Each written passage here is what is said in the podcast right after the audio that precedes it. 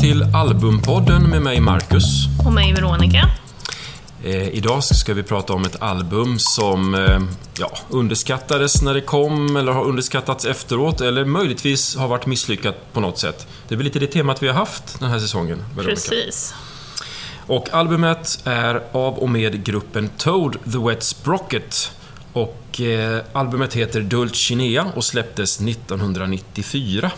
Ja, och det är Marcus val vi pratar om idag. Ja, det är det verkligen. Och det är ju en orsak då till att jag väljer det. Det är nämligen så att jag tycker att det här albumet är mycket, mycket värt att lyssnas på och ja, eh, eh, helt enkelt ett viktigt album som inte ska glömmas bort. Därför lyfter vi fram Toe the Wet Sprocket och Dulcinea idag. Eh, Toad the Wet Sprocket kallas av sina fans för Toad, kort och gott. Och namnet Toad the Wet Sprocket är ju helt galet egentligen. Det är ganska unikt, verkligen. Ja, det är, verk, det är faktiskt unikt. Och på ett sätt inte, därför att det är en annan grupp som har hetat det under en väldigt kort period i slutet på 70-talet. Har de plockat namnen från samma... Från någonting då, eller? Ja, så är det. Och namnet är hämtat från en eh, monolog, en sketch av eh, Monty Pythons Eric Idle i en Monty Python-sketch som heter Rock Notes. Eh, handlar om ett, ett band som inte finns och Eric Idle har berättat att han valde, han bara, han bara slängde ur sig ord med tanke på att det skulle vara så absurt så att ingen någonsin skulle ta det som ett bandnamn. Eh, och en dag så sitter han i sin bil eh, på väg någonstans och hör musik och så säger då eh ja, vad heter det? Radiopro- Programledaren, ja. Ja. precis. Och det här var bandet Toad the Wet Sprocket. Och han beskriver det som en känsla av att han höll på att köra av vägen där. Jo, men det är ju som gjort. Alltså Monty Python, sketcher i sig och så gör de något konstigt. Det, då är jag mer förvånad över att det inte är fler som har haft det namnet. Så kan man ju tänka också. Men det var då en grupp som tog det, men det visste inte Toad the Wet Sprocket själva om när de sen tog det namnet. Och det tog de för att de hade inget namn. De hade en spelning utan namn. Det här är ganska klassiskt egentligen. Band som inte har ett namn. Det är väldigt många som har gjort det Ja, här. ja, och så slänger man ut som någonting. Och då hade de sett den här sketchen och bara börjat garva och liksom Toad the Wet Sprocket heter vi. Och sen efteråt har sångaren och frontfiguren i Glenn Phillips i Toad the Wet Sprocket berättat att det var på skoj och det var inget man tänkte skulle eh, bli, men det blev det. Det blev Toad the Wet Sprocket. Och medlemmarna heter då Glenn Phillips. Eh, Glenn Phillips sjunger och spelar gitarr, framförallt. Toad Nichols spelar också gitarrer. Så de har en Toad i Toad the Wet Sprocket. Sa jag en Toad? En Todd? Todd. Ja, nästan. Och sen har de Dean Dining och Randy Gus. Eh, Randy Gus trummis och Dean då på bas. Men här slänger vi också in en eh, mandolin som en Todd då kan behärska. Och, eh, ibland så att man lägger en liten orgel eller en keyboard. Men annars så är det mycket gitarrbaserat. Men nu när vi ändå pratar om deras instrument så, jag tänker ska vi gå in och prata lite om vad det är för genre på de här? Ja, det är ju lämpligt. Och det här är eh, när man hör då att det är gitarrer, gitarrer, bas, trummor främst och sen lite keyboard eh, emellanåt också, så blir det ju väldigt gitarrbaserat. Och det här, från början så var Toad Wet Sprocket ehm, lite av ett garagerockband.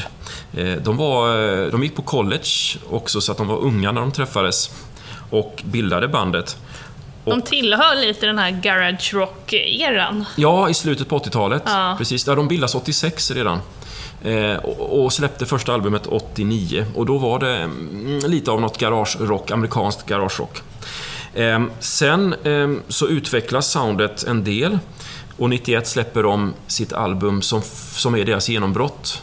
Med eh, All I Want som var första singeln där och som är deras genombrottslåt. Efter det då så kommer så småningom eh, Dulcinea 94 och då har det utvecklats lite till och då pratar man om folkrock. Mm. Och folkrock, det, det bygger ju på folkmusikrock.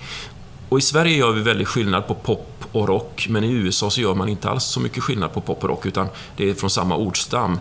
Om vi tänker att pop är ganska mjukt, och så tänker man att rock är lite hårdare, Mm. så skulle man kunna tänka att här är det en väldigt fin blandning av pop och rock i Ja, deras för det finns ju musik. poprock är också en genre som Ja, ja. brukar vara. Men, det, det folkliga då är ju att det är väldigt mycket melodier, det är lätt att hänga med i. Har- Harmonierna och melodierna är väldigt viktiga i deras musik. Och så då det akustiska soundet. Mm, men de har fortfarande det här garagebandsljudet tycker jag man kan höra lite av. Och sen kände jag också att alltså, just det här albumet låter ju väldigt mycket 90-tal. Eh, Jag drog några paralleller, typ Counting Cro- Crows funderade tänkte jag på, The Cranberries, R.E.M., The Smith, Nickelback, Ja. lite sådana band. Och när jag kollade lite noggrannare jag, eh, så verkar det som att de har influerats av bland annat R.E.M. och eh, The Smiths. Medan Nickelback har då eh, Toad Wet Sprocket som influenser. Ja, ja, det här stämmer ju precis. Man pratar också om Toad West Sprocket som eh, ett, eh, ja, ett ganska tidigt indie inslag, Alltså att man inte är så kommersiella i sin, sitt sätt och sin tanke. Det här, de här grabbarna varken var eller kände sig som de coola killarna, utan det var de liksom mer alldagliga musikerna, killarna som träffades på college och började lira ihop. Så att de, de, i sitt uttryck så är de, om man säger, väldigt snälla. Det är inte, det är inte något hårt i varken deras musik eller deras uttryck. De har ingen speciell scenklädsel. Ja, det har de. De har säkert pratat ihop sig om att man ska ha Ja, jo. schyssta kläder, men liksom inte det här att alla ska ha svart och alla ska... Utan det är lite inom indie, rock, poppen. Ja, men deras låtar är ju väldigt lättlyssnade, så de skulle jag nog ändå vilja sätta i det kommersiella facket, vare sig de vill vara där eller Mm. inte. Men alltså, de är såna här som kan spelas på radio Ja. och smälta in ganska bra. Och det var en del av utvecklingen, att från garage, det mer garagerockiga till det lite mer, och det som var lite independent i det, till att bli mer folkrock och därmed också lite mer kommersiella, utan att vara jättekommersiella. För vi snackar inte om ett band som släpper hit efter hit efter hit. Eh, och ändå har de gjort ganska många plattor, utan det är, ja, de når listorna med en och annan låt och de kommer med i någon film som filmmusik och det går bra för dem. De har turnerat eh, över hela jorden. De har varit i Sverige också. Jag såg att de hade turné nu 2022 också. Jajamän. De var på Hultsfredsfestivalen efter det här albumet hade släppts. Så på det sättet så, så, eh, så var albumet som kom eh, lite innan det här då, 91, så kom det ett album emellan och sen kom det här, ledde ändå till att de fick komma också till Sverige och spela. Men då var det väl kanske också att de levde vidare lite på 91-albumet, tänker jag. Ja, det gjorde de. Plus att eh, en av låtarna som vi ska prata om här sen, eller två av låtarna på det här albumet, Dulcinea, eh, blev ändå mindre hittar i Sverige. Eller hittar, men de spelas på radio De helt spelades enkelt. på radio, ja. Och det räckte för att i den här indie-vågen som var samtidigt med grungen på 90-talet, vi snackar 94 då ju, så eh, följde ändå Toad med i, i svängen där. Precis, de var ju verkligen i rätt tid för Ja. att ligga med på den vågen. Och det finns ett annat band samtidigt med, med Toad Wet Sprocket som jag gillar väldigt mycket. De heter The Posies. De är, de är elakare och de, det, det är mer, mer riv, mer elgitarr. Men samtidigt finns det mycket som påminner om dem. Och båda de banden var på Hultsfredsfestivalen då samma år. Det händer väldigt mycket här, men, men de här grabbarna i Toad, de har berättat att när grungen kom så var vi som sagt inte de coola killarna riktigt som, som var där, utan vi spelade mer våran snällare musik. Och jag tänker om vi pratar lite om deras framgång där då, om vi kollar på, om vi går över till låtarna då. Mm. För att de hamnade ju på topplistan, men de hamnade ju bortanför plats 50 eller någonting tror jag. Precis, det stämmer. Eh, Och eh, ja, vi pratar inga liksom, jätte-Billboard-hits. De är från USA alltså och det är framförallt där de har legat på listorna. Ehm, Ehm, jag jobbade på en radiostation 94 när det här albumet släpptes och fick singeln “Something's Always Wrong” som är spår nummer tre på albumet och även singeln “Fall Down” som är nummer nio på, på, i albumlistan här. Ehm, de fick jag till min radiostation och spelade dem och det var så jag blev förälskad i det här bandet. Och vi spelade dem ganska mycket ändå. Det var skön musik att lyssna på. Ja, eh, det är någonting jag också har tänkt på när man lyssnar på det. Det är ju verkligen Ja, men det är lättlyssnad musik är det verkligen. Det är sånt här som skulle... Hela, hela albumet skulle kunna ligga på i bakgrunden. I en butik, i ett café, i en lobby Mm. eller någonting sånt där. För det är inget som liksom är hårt eller det byter riktning väldigt drastiskt eller något sånt. Ja, precis. Och för mig så är det ändå musik som går under huden. Det finns en känsla i det. Så att när man väl tar sig tid att lyssna på det, om man lyssnar, sätter sig ner och verkligen lyssnar på det, så händer det mycket i musiken, men framförallt så också texterna väldigt intressanta.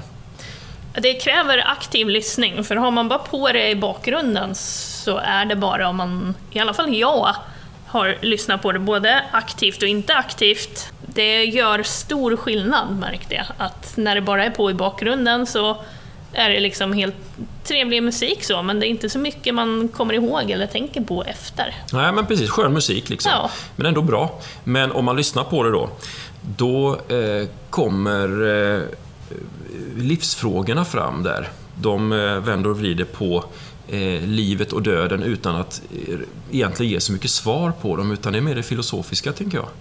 Jo, men de har ju ganska, vad ska man säga, de säger ju ganska mycket med sina texter. Det är inga one-liners direkt. Nej, precis. Så det finns ett djup. Dulcinea då, eh, betyder söt på latin. Dulce, spanska Spanska för, för söt. för söt. Så är det, precis. Dulce och Dulcinea. För dem är det här en hyllning till Cervantes spanska novell, klassikern Don Quijote.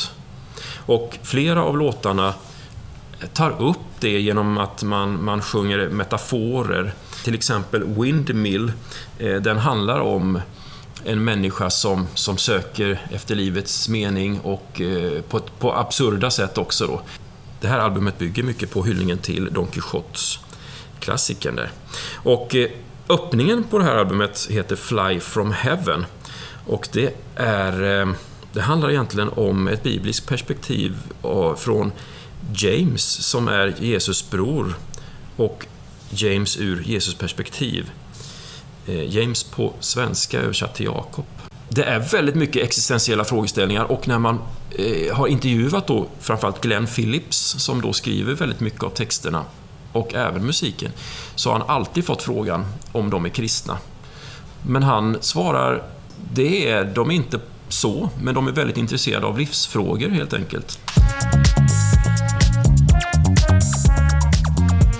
Ja, och sen tänker jag om man då... De kommer ju från USA. Kristendomen har ju en helt annan del där än vad den gör där i Sverige, där vi är ganska sexu... Seku... Sexualiserade. Nej. Ja, jo då. Alltså, sekulariserade, ja, precis. Ja, vi är ja. sexualiserade också, det är Ja. vi väl också kända för, var inte det jag ville säga. Nej, men, eh, men, men, men ändå liksom att eh, visst, man kan tänka att ja, men de flesta i USA är kristna på något sätt då. Men de lyfter helt enkelt att ja, det, det, det är väl inte det, utan det är att de är intresserade och nyfikna på liv och död och mening och, och det här. Och då ställer de de här livsfrågorna utifrån olika perspektiv. Och i det här fallet, Fly from Heaven, så har de valt att ta det ur ett bibliskt perspektiv, eller de här personerna i Bibeln då. Om vi pratar om själva låten då, utöver texten, så är det ju en men det är en typ normaltempolåt, varken långsam eller snabb. Nej. Och är lite uppåt. De bygger väldigt mycket stämningar med sina melodier och sina harmonier. Och eh, det börjar bara med liksom en bas, bastrumman och en, en gitarr som ligger ganska så soft först. Det kommer en ton och sen leder det vidare till sången också och versen. Och det, det är inte så att, att liksom knack, knack, knack, knack och så kommer alla instrument på en gång och bara maler på. Utan det, det börjar ganska så soft, skönt, bygger en stämning. Eh, texten betyder någonting, vilket gör att den lyfts fram i musiken. Den döljs inte, utan sången. Och han har en väldigt varm röst samtidigt som han kan ha, han har väldigt brett register. Han kan sjunga i falsett, men han kan också sjunga lågt. Eh, jag tycker att han har en fantastisk röst. Mm, men den, man, den kommer ut, det gör den, men den är ju inte så att eh, det blir de här extrema skillnaderna som man kan se på andra sångare med ganska brett register. Nej, det kan jag hålla med om. Det är ganska jämnt. Ja. Så, ja. Ehm, ja. Det, och det är olika vad man tycker. Jag älskar hans röst och han har gjort soloplattor sen så att eh, jag har följt honom. Jag kan liksom inte... Det, han, det, han, ja, en del sångare Är tycker det man ju väldigt mycket om helt enkelt. Han är en av dem jag tycker om. Är han lite så Phil Collins-aktigt så att man inte riktigt kan skilja honom ifrån bandet som solo, eller? Eh, hans soloplattor, man känner ju igen, eftersom det är Glenn som har skrivit det mesta av Toads musik, så känner man igen, eh, det är som en, en, en skön utveckling av Toad och Wet Sprocket när han gör sina soloplattor. Så lite Genesis och Phil Collins alltså. Ja, det kan man nog säga. Ja, men vi ska vidare va, med låtarna. Man kan väl säga att det är ganska så sköna, härliga låtar. Sen kommer det plötsligt lite mer riv. Man, eh, Toad West Sprocket har den här, det här drivet att man lägger plötsligt på en, elit, en distad elgitarr. Alltså man kan ha det väldigt akustiskt. En akustisk elgitarr eller en akustisk gitarr och en kombination och sen plötsligt så blir det en akustisk gitarr med en distad gitarr och ibland är det två distade gitarrer. Så ibland så brötar det till lite grann och då kan man hetsa upp sig och så tänker man att oj, det var väldigt snällt trots allt. Men bra, effektivt. Ja, jo, men jag, det här är ju också, de drar ju in en ganska lugnt, för det här som är lite mer riv i kommer ju på andra halvan av albumet. Du har något inslag tidigare också, men det, det är riktigt. För det går ner igen eh, en stund på slutet med och landar på något sätt i reinkarnation. Döden och livet efter detta och det är begin och reincarnation. Då. Man ställer helt enkelt återigen de här livsfrågorna och vad händer efter döden? Och så vidare. Och det är väldigt tydligt, man hör ju det redan på titeln, vad det kommer handla om nästan. Ja, precis. Vill du säga något annat om någon av låtarna, Veronica? Ja, men jag fastnar lite för den här Nancy. Och den var ju lite, textmässigt så var den ju lite annorlunda tycker jag. Alltid lika roligt när de har, när en artist eller ett band har textrader som bara sätter sig direkt och här var det så. Och det var precis i början, och det repeteras på ett eh, par ställen till i låten, men så sjunger de And I can't believe you bend your words like Uri Gellers spoons. Oh, Den är liksom... Ja, men jag älskar den raden bara för att vet man vem Uri Geller är så säger ju jättemycket. ja. Så att det är ju verkligen en metafor som är tydlig. Så då är det värt att lyssna på låten bara av den. Ja, jag tycker det.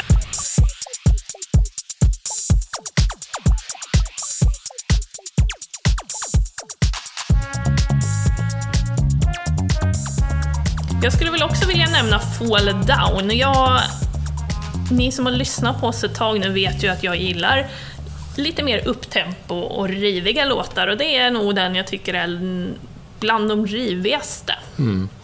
Och det är ju ingen slump, tänker jag, att den släpptes som en första singel. Den sätter sig ganska snabbt.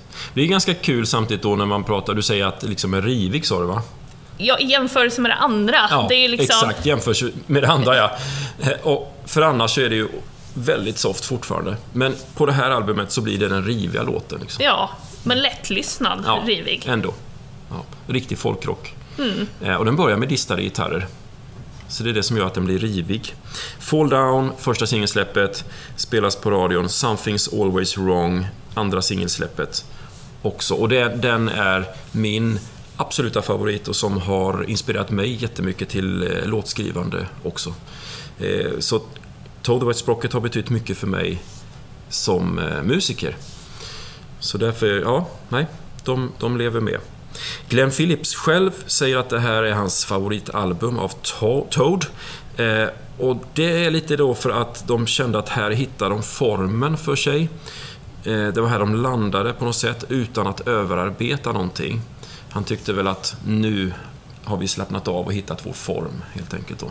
Jo, men det känns ganska rimligt, liksom album nummer tre där, att man Mm. Ja, har... det är inte nummer tre egentligen, utan de har släppt fler faktiskt då. Det är album fyra tror jag. Album fyra? Ja, 89, 91, ja de 94. släppte en emellan där också. De gjorde det? Ja. Ja. så nummer fyra till och med. Ja, då Ja. har man ju ännu, hunnit arbeta in det ännu mer. Ja. Sen släpper de albumet Coil 97. Och Coil är lite fartigare ändå, men man känner igen det liksom. Och det är jättebra album, Coil. Men där får man inte speciellt mycket hits. Eh, Man eh, bestämmer sig strax därefter för att eh, sluta. Så 98 så bryter man upp helt enkelt och West Sprocket är historia. Kunde man tro. var historia. Ja, ja. Läser man på svenska Wikipedia så var Toad Wet Sprocket ett band som slutade 98. Så man får växla över till den engelska versionen, för där lever de högst. För du sa ju det nyss, Ja. 2022 så tu- turnerar de. Nej, men de, de återförenades eh, 2006 och gjorde en eh, kort eh, turné i USA. Släppte ett eh, samlingsalbum och sen eh, 2010 någonstans så återförenas de på riktigt och sen dess har de funnits. Och då har de ändå gjort lite soloprojekt däremellan och samtidigt. Så Glenn Phillips själv har släppt flera soloalbum som alla är värd väl att lyssna på. Eh, Toto Sprocket släppte ett nytt album 2021 senast som heter Starting Now. Eh, mycket bra det med. Så att man känner igen eh, Toad Sprocket när man lyssnar på dem. Jag skulle säga att den nyare, det nyare Toad Sprocket kan ibland tendera att vara mer country, ja, genremässigt så. Ja, det är intressant. Från garagerock till country nästan. Det är, Ja, det är ett byte av genre, men de, har, verkligen. men, de, ja, men de har inte bytt så Nej, att- inte att de har det- kommit dit, men att nej. de har det soundet liksom. Ja. Och Toad Wet Sprocket är, det är sofistikerat och moget och eh, musiken tycker jag mognar fint med tiden. De riktar sig väl inte egentligen medvetet till någon åldersgrupp så. De var ju unga när de började och inte de coolaste killarna, men de var ändå med sin tid och de vill beskriva eh, livet. Så att jag tror att man har växt med dem. Och jag tror att den här musiken kan tilltala alla åldersgrupper. Men absolut tror jag de som har lite mer livserfarenhet kanske. Ja, om det är texterna man är ute och lyssnar på. Det kan ju också vara vad man gillar för genre och stil liksom. Det är helt riktigt. Rekommenderar du det här albumet då? Det är svårt, för att det är precis det, är det där jag säger. Det funkar ju jättebra som någon slags musik i bakgrunden. Så att... Ja, sätt på det om du känner att du vill ha någonting och, som bara ska gå i bakgrunden liksom. Mm, och då säger jag, lyssna på det noga. Sätt dig med sköna hörlurar eller med bra högtalare. Lyssna på Toad Wet Sprockets Dulcinea. Lyssna på texterna. Mer eller mindre i alla fall. Man behöver inte snappa upp allting och förstå allting. Det är väldigt sköna melodier. Eh, fantastisk musik. Bygger sån stämning. Jag älskar det här albumet. Det är jättekul att vi har pratat om ett album som betyder så otroligt mycket Ja. för en av oss. Jajamän. Men vi avslutar väl med de orden och rekommendationerna. Det gör vi. Tack för idag.